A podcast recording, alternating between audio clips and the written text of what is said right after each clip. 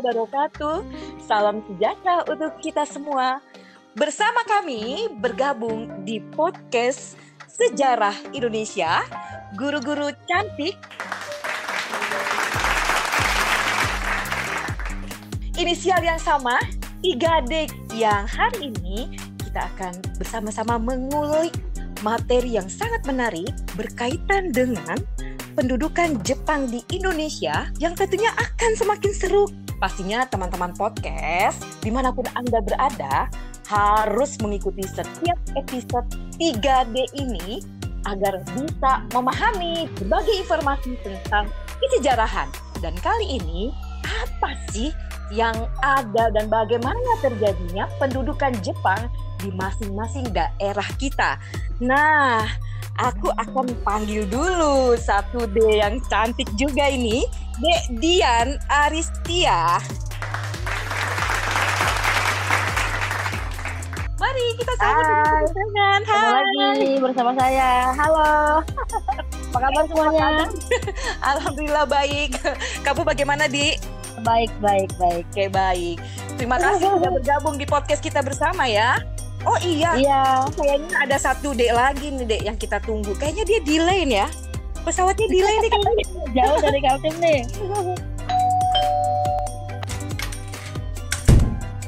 Dian Eka dek ketiga. Assalamualaikum. Waalaikumsalam. Ayo, silakan masuk.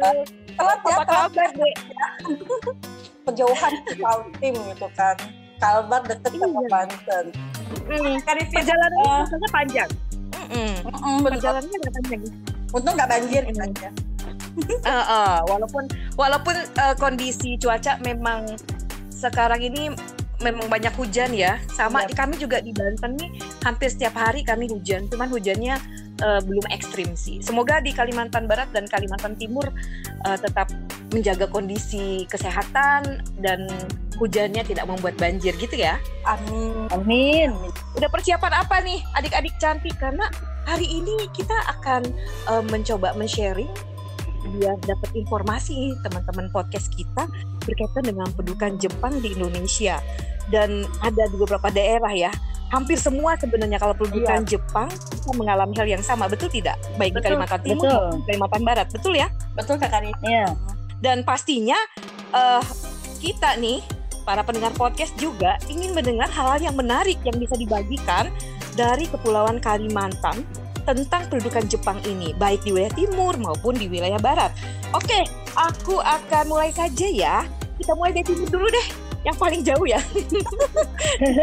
Jadi walaupun yang dengan Aristia ya atau di Ariesta, kita akan mulai dulu untuk mendengarkan apa dan bagaimana hal-hal yang paling menarik eh, yang kita bisa eh, sharing tentang pendudukan Jepang di wilayah di wilayah Kalimantan Timur. Kita sambut dengan tepuk tangan yang gemuruh. Dian Eka dari Kalimantan Timur untuk menginformasikan tentang pendudukan Jepang di wilayah Kalimantan Timur. Silakan, Dek. Terima kasih Kak Rifi semuanya untuk pendengar podcast. Eh, terima kasih sudah bersama dengan kami untuk mendengarkan bincang-bincang kami tentang eh, pendudukan Jepang di wilayah Indonesia. Yang mau saya bagikan sih untuk Balikpapan ya, apalagi untuk wilayah Kaltim. Em, Balikpapan ini termasuk salah satu saksi saksi tentang kejahatan Jepang lalu juga eh, perang dunia kedua. Akhir dari perang dunia kedua yang melawan Jepang itu saksi bisunya itu adalah Balikpapan.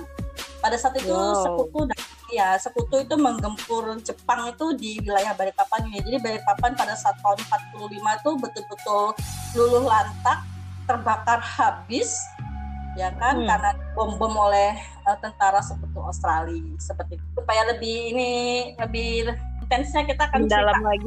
Mm, lebih lebih to point dengan jelas Hmm, pastinya kita mau dengerin. Hmm. Jadi di Kalimantan Timur ini sebenarnya ada beberapa tempat kalau dulu masih dari Kalimantan Timur sih ada tiga ya tapi salah satu satunya itu sekarang sudah menjadi provinsi baru di Kaltara. Jadi kalau wilayah Jepang kita kan tahu nih namanya Tarakan. Sekarang sih Iya. bagian bagiannya Kalimantan Utara ya.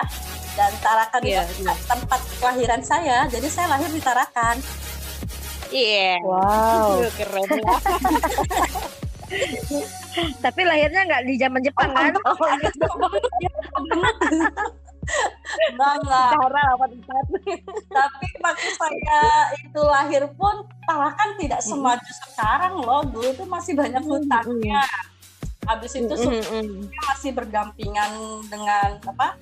Jadi karena ayah saya tuh tentara kan, jadinya tuh di luar dari asrama itu adalah perkampungan Dayak. Jadi saya tuh dulu punya inang pengasuh Dayak yang suka yang suka mengasuh. Makanya di Tarakan tuh dua tahun setengah usia dua tahun setengah saya pindah ke Tanjung Siap. Oh begitu, oh gitu. Dan dan sebelumnya, akhirnya aku jadi tahu mengapa kamu menyukai Army, dek. Aku tahu ada latar belakang sejarah ini menyukai Army. Ayahnya kan tentara. Oke, lalu katakan lagi. di Tarakan itu kalau kita tahu kan Tarakan itu ini apa namanya tempat pertama kali Jepang datang dari menggempur Pearl Harbor itu lalu masuk ke Filipina habis itu masuk ke Indonesia kan lewat Tarakan dan kebetulan Tarakan itu eh, tambang minyaknya Belanda juga dan itu sampai sekarang pun juga masih di masih dikelola oleh Shell. Masih.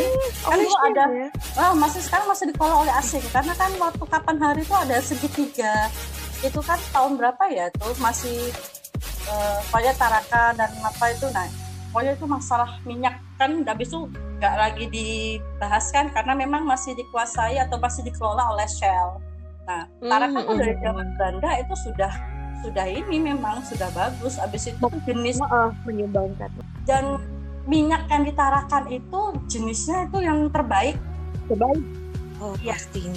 kalau di dalam minyak istilah minyak itu ada sweet ada salt jenis Mhm. minyaknya tuh yang sweet yang sweet biasanya mereka bisa langsung digunakan tanpa harus produksi atau pengolahan yang ribet.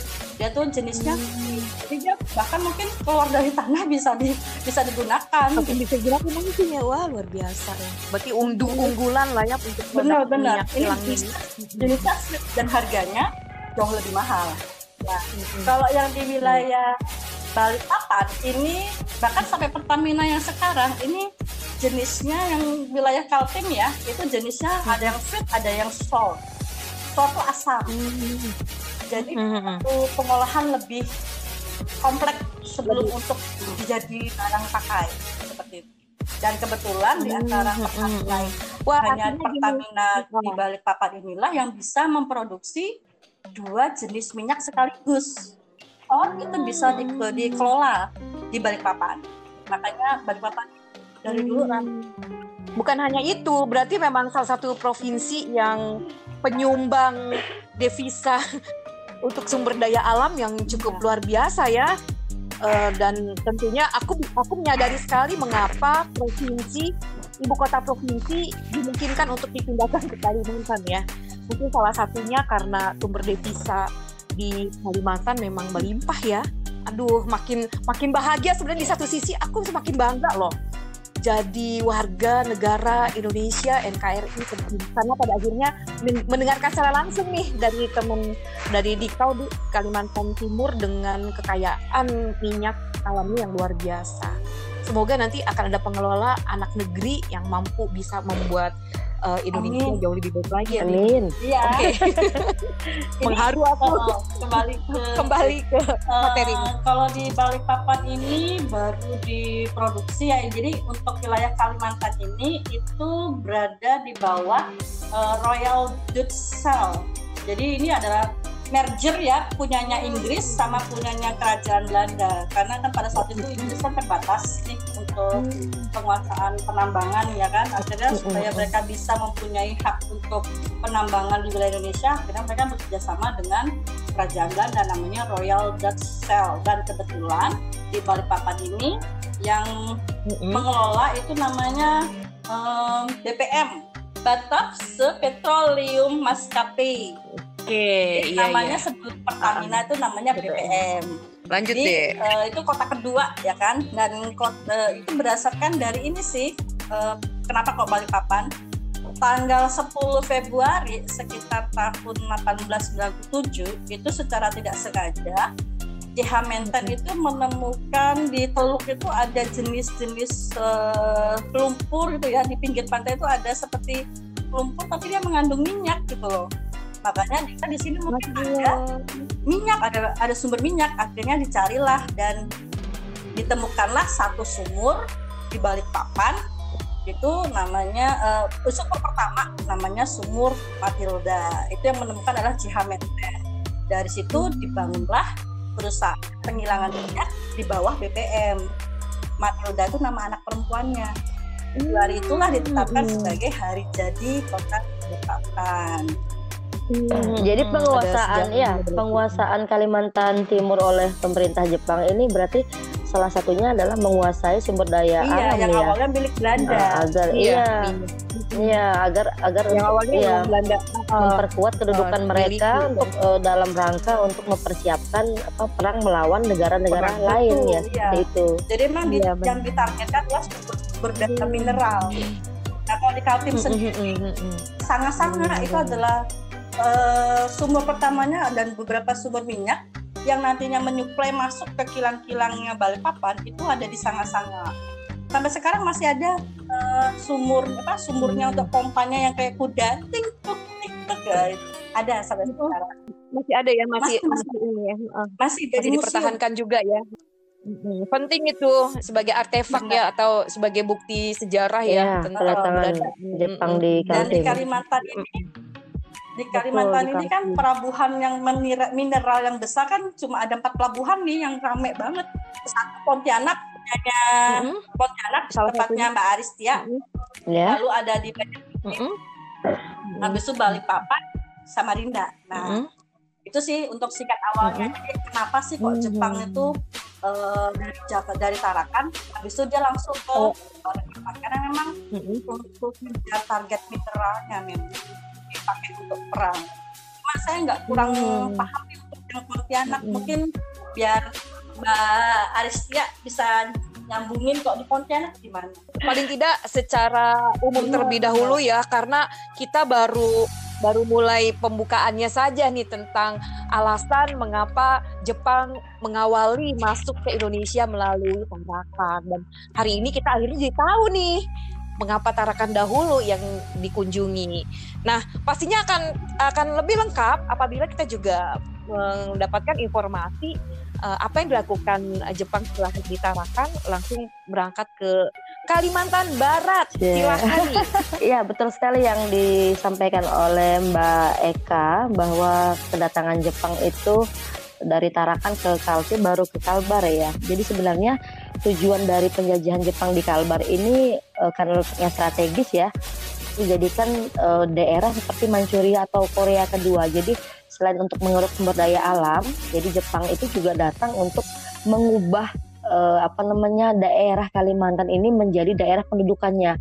Eh, bahkan eh, dari sumber yang saya ketahui apa program genosida atau pembunuhan pembantaian yang dilakukan oleh Jepang di Kalimantan Barat yang berjumlah 21.037 jiwa itu adalah dikhususkan untuk eh, apa namanya masyarakat atau rakyat yang berumur 12 tahun ke atas. Nah, jadi eh, eh, jadi mereka ini menginginkan generasi di bawahnya di bawah 12 tahun itu adalah pendidikan Jepang. Jadi tidak eh, bahkan nanti ke depannya 20 tahun 20 tahun yang akan datang setelah Jepang meninggalkan Kalimantan Barat ini, maka harapan mereka eh, apa namanya rakyat Kalimantan Barat ini adalah eh, apa sudah eh, di apa ya dididik ala-ala Jepang seperti itu. Jadi bahkan kita kekurangan nanti kekurangan apa ya cendekiawan, orang cerdik pandai, raja dan sebagainya. Jadi eh, sejarah kada Peristiwa mandor iya ya, peristiwa mandor. Jadi peristiwa eh, mandor kedatangan ya. Jepang itu pada tahun 1942. Jadi Jepang itu betul-betul membombardir eh, daerah Kalimantan Barat ya, kemudian menguasai memaksa beberapa daerah untuk dikuasai. Salah satunya juga betul tambang ya. Kalau di sini nggak ada minyak ya, eh, adanya tambang apa eh, misalnya emas ya seperti itu. Mm-mm. Kemudian ada juga tambang-tambang mineral la- lainnya. Uh, jadi Jepang itu betul-betul apa ya menguasai lebih kejam daripada Belanda. Jadi uh, kalau sejarawan hmm. bilang kekejaman Jepang itu melebihi Belanda itu betul sekali karena cara Jepang memperlakukan rakyat Indonesia atau di Kalimantan Barat itu uh, tergolong lebih kejam karena kalau Belanda ya mungkin uh, masih ada negosiasi mungkin ya. Negosiasi misalnya kalau ketika ditangkap itu dipenjara dilepaskan kembali atau diper, apa namanya dipekerjakan. Kalau Jepang tidak. Beberapa yang saksi mata melihat bahwa Jepang itu kalau misal kita melakukan kesalahan itu langsung dipenggal kepalanya seperti itu. Nah kemudian e, dari sumber informasi yang saya baca juga bahwa selain melakukan perampasan, perampokan, juga pemerkosaan ya terhadap wanita-wanita di Kalimantan Barat juga penindasan. Kemudian ada juga satu peristiwa yang sangat memilukan ya. Uh, sebelum peristiwa Mandor itu ada juga peristiwa yang namanya cap kapak di mana pemerintah Jepang itu ya mendobrak atau memaksa membuka pintu rumah-rumah suku Dayak, suku Melayu, Tionghoa agar tidak ada yang berani lagi melakukan pemberontakan. Jadi diancam, diintimidasi. Kemudian rumah-rumah tersebut itu di, diberi stempel, uh, diberi stempel dengan huruf kanji yang bertuliskan Wairui uh, Warihito yang artinya rumah orang jahat. Jadi sehingga kalau rumah kita sudah ditempel seperti itu orang nggak berani lagi naik karena dianggap orang jahat walaupun kita tahu eh, misalnya tetangga kita itu nggak jahat tapi kalau ketika kita naik ke rumah itu diketahui oleh pihak Jepang maka kita juga dianggap orang jahat. Seperti itu. Jadi cara mem, apa ya melakukan atau membumi hanguskan pemberontakan dengan cara itu. Dan memang betul ya peristiwa mandor berdarah itu luar biasa Jepang itu me, apa namanya membabi buta untuknya menculik uh, masyarakat Kalimantan Barat kemudian uh, ditutup ya kepala di ke, tangannya diikat kepalanya ditutup dengan kain putih seperti sarung bantal itu warnanya putih kemudian dimasukkan dimasukkan ke dalam truk yang jumlahnya sekitar hanya 45 orang. Jadi dalam truk dibawa uh, dibawa ke daerah yang namanya Mandor. Di sana mereka dilepaskan dilepaskan dalam rangka untuk hmm. menggali kuburannya sendiri, menggali tanah. Iya, menggali tanah untuk kuburannya sendiri. Setelah uh, siap, kemudian mereka disiksa, kemudian dipenggal satu-satu, dibunuh ya. Kemudian ya mereka dimakamkan di situ. Jadi luar biasa Jepang uh, apa ya melakukan tindakan iya kekejaman jadi uh, pelanggaran HAM ya terhadap daerah Kalimantan iya. Barat. Mungkin itu Mbak Rifki. Jadi itu kalau di Kalbar tuh berarti ya penumpasan ya. Jadi banyaknya pembunuhan, pembantaian gitu ya. Kalau di balik di bumi hanguskan. Jadi Belanda hmm, ya di bumi hanguskan. Jadi ya. kilang-kilang itu kilang minyak itu dua kali hancur, dua kali hangus. Pada saat Jepang mulai masuk, waktu ke Balikpapan ya, dari Tarakan kan dia udah mulai ngite masuk ke Balikpapan tuh udah terlihat di Teluk, itu sama Belanda diledakkan, dibom. Memang sengaja supaya tidak dikuasai. Iya, betul. Jadi Belanda juga me, apa pergi dari Kalimantan Barat juga uh, katanya menghancurkan beberapa daerah-daerah yang strategis iya, atau daerah-daerah yang penting agar tidak dikuasai oleh Jepang. Tetapi habis itu saat dianya pas sekutu mulai datang lagi, sekutu kan lebih pakai bom dan sebagainya kan itu hampir sebagian besar daerah kilang kilang kilangnya itu itu hancurnya bukan lagi yang ini ya. Walaupun mereka waktu di Belanda sih hancurinnya hancurin tapi nggak terlalu fatal lah ya. Tetapi pada saat Jepang bertempur dengan sekutu mm-hmm. itu hancurnya totally hampir hampir fatal. Jadi kayak mudah uh, kayak bangun kembali gitu jadi kalau pemberantasan di balik apa sih pembantaiannya bukan suku-suku ya, tapi lebih pada ini pembantaiannya kepada ke orang Belandanya sih pantai taruh gitu ya, di, di landasan di daerah landasan tapi pantai gitu dijejerin gitu kan satu-satu ditebasin kepalanya Iya jahat banget ya. Aduh. Oh, oh. Nah itu uh, karena banyak apa namanya yang strategis, misalnya tambang dan sebagainya yang dibakar atau dihancurkan oleh Belanda, maka Jepang itu menyiksa penduduk betul, kita betul, di Kalimantan betul. Barat uh, dengan kerja paksa tanpa gaji. Nah itu yang uh, uh, itu yang membuat masyarakat itu apa ya trauma, trauma sekali terhadap penjajahan Jepang ini jadi sudah uh, keluarganya dibunuh, kemudian dipaksa untuk bekerja tanpa gaji. Ya kemudian ya kita tahu sendiri lah kalau memang tanpa gaji kan berarti kan kehidupan memang siksa sekali ya Benar, benar. jadi ketika nah eh, ketika sakit dan sebagainya kan juga tidak Dan satu lagi ek- ekspor keperempuanan benar. ya. Iya, Jadi betul. perempuan-perempuan Iya, betul, betul. di mana pun uh, Jepang datang itu pasti dieksplor eksploitasi secara Pokoknya seksual jangan gitu. lihat. Itu kan kalau di Banten sendiri bagaimana Mbak Riviana kekejaman Jepang di Banten Oke, Kak. Kalau kami kita kita sebelumnya mungkin eh, sudah tahu ya eh, informasi awal tentang budukan Jepang di Indonesia itu kan awalnya kita menganggap bahwa Jepang itu seperti Oh. saudara tua kita Iya. gitu, sehingga ada semboyan Iya, tiga betul. asa. ya betul Eh, eh, artinya kita berharap banyak tuh karena kita kita dilakukan penjajahan kolonialisme yang sangat panjang lalu datang orang sipit maaf ya secara fisik sangat dekat dengan kita karena sama-sama di wilayah Asia Hmm.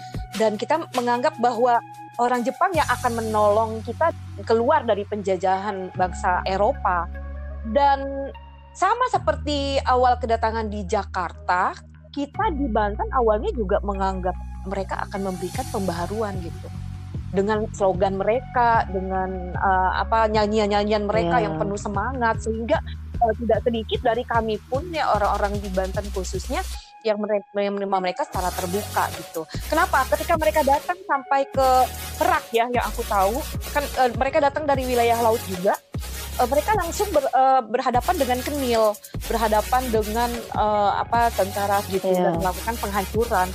Nah, karena mereka sudah mempersiapkan sekitar 30 ribu personil untuk bisa menghadang Belanda. Nah artinya kan di sini ada ada ada terlihat bahwa mereka sepertinya jadi pembuka jalan untuk kemerdekaan Indonesia gitu karena uh, bisa menghancurkan uh, tentara uh, Belanda. Walaupun pada akhirnya kenyataannya tidak Sakit, seperti lebih itu sakit gitu ya. Setelah kita iya lebih sakit itu dia ternyata lebih kejam apa yang tadi eh, adek berdua ceritakan itu sama saja yang terjadi di Banten. Jadi eksploitasi sumber daya alam mungkin eh, tidak seperti yang ada di Kalimantan Timur dan Barat, tetapi eh, kita ini dijadikan benteng pertahanan deh, benteng pertahanan, lalu eh, tempat untuk mengumpulkan persiapan perang mereka gitu ya sebagai lumbung lah lumbung makanan mereka yang mereka bisa semena-mena melakukan apa saja, bisa mengambil uh, apa apa yang dimiliki oleh rakyat di sekitar, lalu mengeksploitasi tenaga tanpa dibayar itu sama saja sama juga karena mereka juga meminta kita membuat jalan, membuat jalan kereta api untuk transportasi perang mereka. Jadi kekejaman itu sampai ke Lebak loh, wilayah Banten Iya, yang paling jauh jauh. Iya. Itu juga terjadi. Iya. Uh-uh. Nah, artinya bukan hanya eksploitasi sumber daya saja, sumber daya alam saja, be- begitupun sumber daya manusia. Juga Ianfu juga ada Hmm. dan itu terjadi. Padahal wilayah-wilayah eh, terjauh ya yang menurut aku karena walaupun kita dekat dengan Jakarta kan mungkin bisa dibilang Serang dulu ya, bukan Tangerang. ya. Iya. Serang, Serang itu wilayah paling dekat gitu. Itu itu aja bisa sampai ke wilayah Lebak yang sedemikian jauh. Artinya memang eh, mereka sudah memikirkan untuk bisa membuat pertahanan di mana pun tempat yang menurut mereka itu bisa membantu eh, apa eh, proses perang mereka.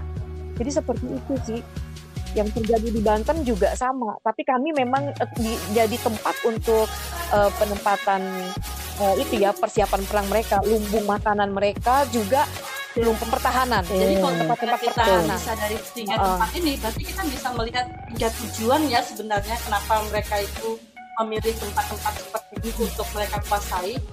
Tarakan sama Balikpapan fokus Mhm. mereka fok- menguasai sumber daya mineral, minyaknya pasti ya. Lalu kalau kita melihat kejadian yang ada di Pontianak, ada genocide seperti itu, pembunuhan yang luar biasa. Iya.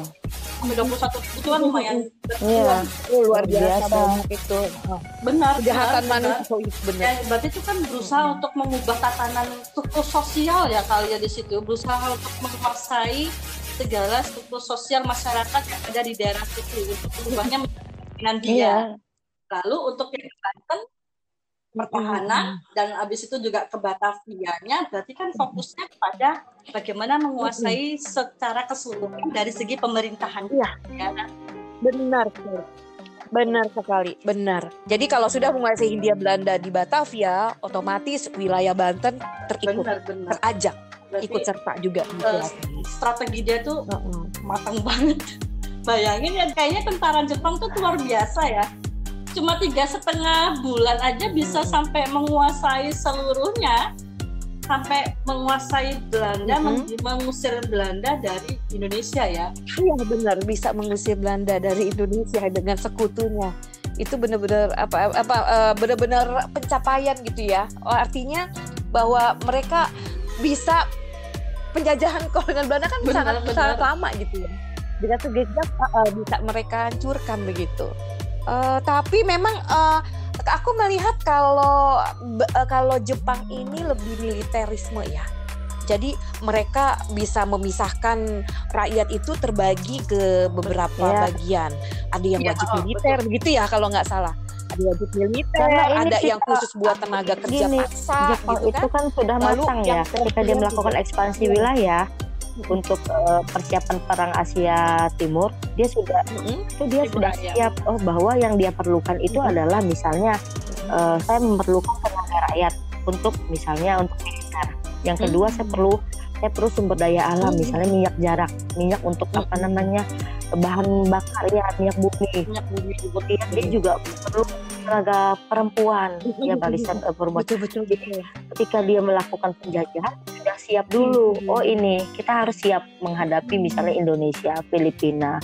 Bagaimana karakteristiknya jadi betul-betul dipersiapkan eh, dengan matang ketika dia makanya eh, betul juga sih sebagai saudara tua dia memboyong semboyan eh, 3A itu luar biasa sambutan kita tapi ternyata sambutan sambutan kita itu ya ibarat sekarang jok Padahal slogannya saya di Pon Cahaya. kalau Hmm, untuk korban-korbannya Hmm, gimana? Kalau di Kalimantan iya. Barat sebagian besar karena yang memimpin pemberontakan itu raja ya dan uh, jadi- kami di Kalimantan Oh, Barat tuh luar itu. biasa banyak sekali ya raja-raja atau kerabat yang memang dibunuh. Salah satunya ada yang gugur ya, gugur ya. Termasuk Uh, Sultan Syarif ya? Muhammad Al Qadri ya, ayah dari Sultan Hamid II itu juga uh, salah satu korban dari tiga ini.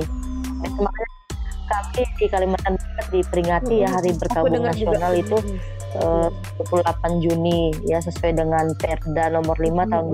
2007.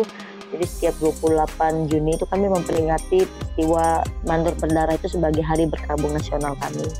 Sedih sih rasanya ya kok bisa gitu ya ke apa namanya daerah kita gitu ya. Jadi harapan kita bersama ya di sini kita bicarakan apa membahas ini mudah-mudahan ke depan generasi muda generasi muda yang akan datang jangan sampai negara kita ini apa ya itu berulang Iya, kembali lagi ya, oh, peristiwa kelam walaupun mungkin mungkin penjajahannya mungkin Jauh, sangat jauh berbeda berbeda. ya dek untuk masa Iya. ini jauh berbeda ya tapi tetap harus bersiaga gitu bahwa segala hal yang berkaitan dengan penghancuran ya itu kan bisa melalui berbagai cara bukan bukan Iya. selalu dengan Contohnya apa? eh, apa peperangan aja kita secara fisik eh, gitu. ikut dalam globalisasi ya pengaruh-pengaruh modernisasi itu salah satunya itu mengkikis eh, budaya-budaya Mm-mm. lokal Indonesia budaya-budaya Indonesia yang nanti eh, misalnya mengurangi Ah, rasa nasionalisme kita makanya kita oh ya guru-guru sejarah tuh selalu mengingatkan bagaimana sih Mm, eh, pasti. pahlawan itu berjuang, bagaimana kita meningkatkan kesadaran nasional kita, bagaimana kita menghargai jasa pahlawan. Kalau nah ini kan dikaitkan lagi dengan isu kalau sampai mata pelajaran sejarah hilang ini. ya itu sudah kayaknya tuh aduh, Gil- aduh, eh, kayak- jangan. kalau misalnya sampai hilang itu kan lalu kan bagaimana kita menanamkan karakter untuk cinta Iya. bangsa kita itu kan Bukan kita sendiri yang mencintai Iya. bangsa kita siapa kalau misalnya di- dicintai oleh negara lain Iya. bangsanya bagaimana ya enggak apalagi namanya penjajahan itu sudah lebih kepada penjajahan Iya. mental dan karakter Makanya saya Jadi saya sudah- kurang setuju juga ada yang berpendapat bahwa eh, guru sejarah tuh hanya menceritakan perang. Aduh, jauh sekali. Enggak dong. padahal enggak Iya, perang itu mungkin pengantarnya kita ya misalnya tentang penjajahan Belanda Benar. dan Jepang, Inggris dan Prancis misalnya. Itu hanya pengantarnya, tapi di sebalik cerita sejarah itu kita mengajarkan kebijaksanaan, kehati-hatian bagaimana generasi muda itu bisa mengambil sikap Betul, di masa betul. akan datang. betul, betul. apakah perlu gitu ya kan kita kembali ke masa lalu dengan perang fisik seperti itu lagi Iya. yang pasti perang Tidak namanya ini ya, perang itu oh. di mana pun nggak ada yang namanya menang sama-sama betul kan benar paling mengalami yang menang sedangkan untuk kita hidup damai untuk perdamaian manusia cuma kan gimana caranya kita menahan ego kita Iya. masing-masing kan bikin solusi lah daripada betul. kita harus ego kalau perang tuh yang menang ego doang sedangkan kalau kenyataannya ya pada akhirnya banyak-banyak orang yang terluka, yang kehilangan dan kesakitan Iya. perang itu sebuah trauma yang tidak akan terlupakan. Mungkin ini juga bukan hanya kita nih ya, kita yang yang merasakan rakyat yang terjajah. Walaupun Jepang pada akhirnya membayar dibayar lunas dengan dibomnya eh, dua kota besarnya dan itu juga peristiwa kelam Iya. bagi dunia Jepang dengan cerita yang sangat luar biasa juga dan menjadi salah satu sejarah dunia juga kan. Artinya pembalasan itu sekejam-kejamnya tapi kita yang merasakan langsung dan, eh, rasanya begitu banyak yang hilang dengan hadirnya Jepang di Indonesia walaupun ada hal yang positif ya Iya betul. tapi banyak negatifnya sebenarnya banyak hal buruk yang kita kenang. Ya semoga eh, ini menjadi bahan renungan ya Hmm. buat ini teman-teman podcast muda nih eh, yang menjadi garda terdepan dan berharap Indonesia ada di pundak mereka suatu saat nanti Ya. menjadi negara yang, Yang- eh, jauh lebih baik dari hari ini. negara yang merdeka berdaulat di atas negaranya sendiri, atas daerahnya sendiri. Jadi harapan eh, ya harapan kita itu dengan belajar sejarah Berharap- itu membuka oh. cakrawala, menambah apa ya sikap nasionalisme generasi muda karena ya Indonesia itu milik kita bersama. Jadi kita kita Betul. jangan jangan sampai kita mengagung-agungkan yang namanya modernisasi terus kita meninggalkan sejarah bangsa kita melupakan sejarah cerita bangsa kita kan banyak ya misalnya generasi muda bilang Hmm. ah belajar sejarah belajar masa lalu nggak move on nih. Nah seperti itu. Padahal banyak sekali hal-hal yang diambil dari sejarah. Misalnya bidang ilmu kesehatan sekarang COVID-19 kalau kita lihat zaman-zaman dulu sejarah flu di dunia kan juga kita bisa pelajari bagaimana cara pemerintah mengatasi, mengatasi flu di berbagai daerah kan banyak kan eh, sejarah-sejarah mengenai flu dan bagaimana cara untuk mengatasi eh, wabah flu misalnya pada pada pada masa wabah. itu. Jadi eh, luar biasa sekali pelajaran sejarah itu memberikan apa ya kebijaksanaan bagi umat manusia. Ya, atau spirit mungkin Spirit. ya Eh, Ya, ada nilai juang ada ya. eh, spirit-spirit positif nilai gitu juang. untuk bis- Oh iya, kita karena belum aku juga punya cerita yang mungkin nanti akan membawa kita pada eh, beberapa tokoh yang bercerita tentang bagaimana Jepang ketika berada di wilayah eh, podcast berikutnya untuk 3D ini kita bisa bahah tentang saksi hidup ya, Mhm. saksi yang menceritakan. Kemudian juga ini situs-situs Ya, bersejarah yang menandakan bahwa kedatangan Jepang yang masih ada sampai sekarang di daerah kita masing-masing. pasti. Balikpapan paling banyak kayaknya Balikpapan. Nah, nanti aku tutup Boleh ya. ditutup, Aku ya. tutup pada Iya. sebuah puisi. Eh, ini puisi yang dibuat oleh Usmar Ismail pada masa pendudukan Jepang. Jadi sebenarnya isi puisinya ini lebih ke giroh apa semangat juang ya untuk bisa terlepas dari hubungan Jepang sebenarnya. Kita tahu semua Usmar Ismail kan salah satu Ya. Eh, ini film pertama ya Bapak Iya, film betul. Indonesia ya. Iya, benar. Ini ada beberapa tapi aku pilihkan saja eh, yang menurut aku membuat aku melayu gitu ya. Kita dengarkan bersama sebuah puisi dari Usmar Ismail dari beberapa puisi heroiknya. Saya akan pilihkan satu yang berjudul Kita Berjuang. Selamat mendengarkan. Kita berjuang. Terbangun aku terloncat duduk. Kulayangkan pandang jauh keliling. Kulihat hari telah terang, jernihlah falak. Telah lamalah kiranya fajar menyingsing. Kuisap udara, legalah dada, kupijak tanah, tiada goyah. Kudengar bisikan, hatiku rawan. Kita sedang berperang kita sedang berjuang. Sebagai dendang menyayu kalbu, bangkitlah hasrat dambanan larang. Ingin ke medan, ridolah menyerbu beserta saudara. Iya, Turut keren berjuang. keren. Iya. memejamkan mata dan merasakan sebagaimana turun itu rasanya langsung gimana seperti hati itu langsung terpeti di look hai kamu ayo jangan berhenti berjuang berpindah hari harus ada hal yang dilakukan karena perjuangan Iya, bukan betul. hanya mengangkat Dengan- senjata Jadi saja. generasi Betul. muda ya salah satunya ya memang tugasnya belajar ya untuk mengisi kemerdekaan ini. Iya. betul.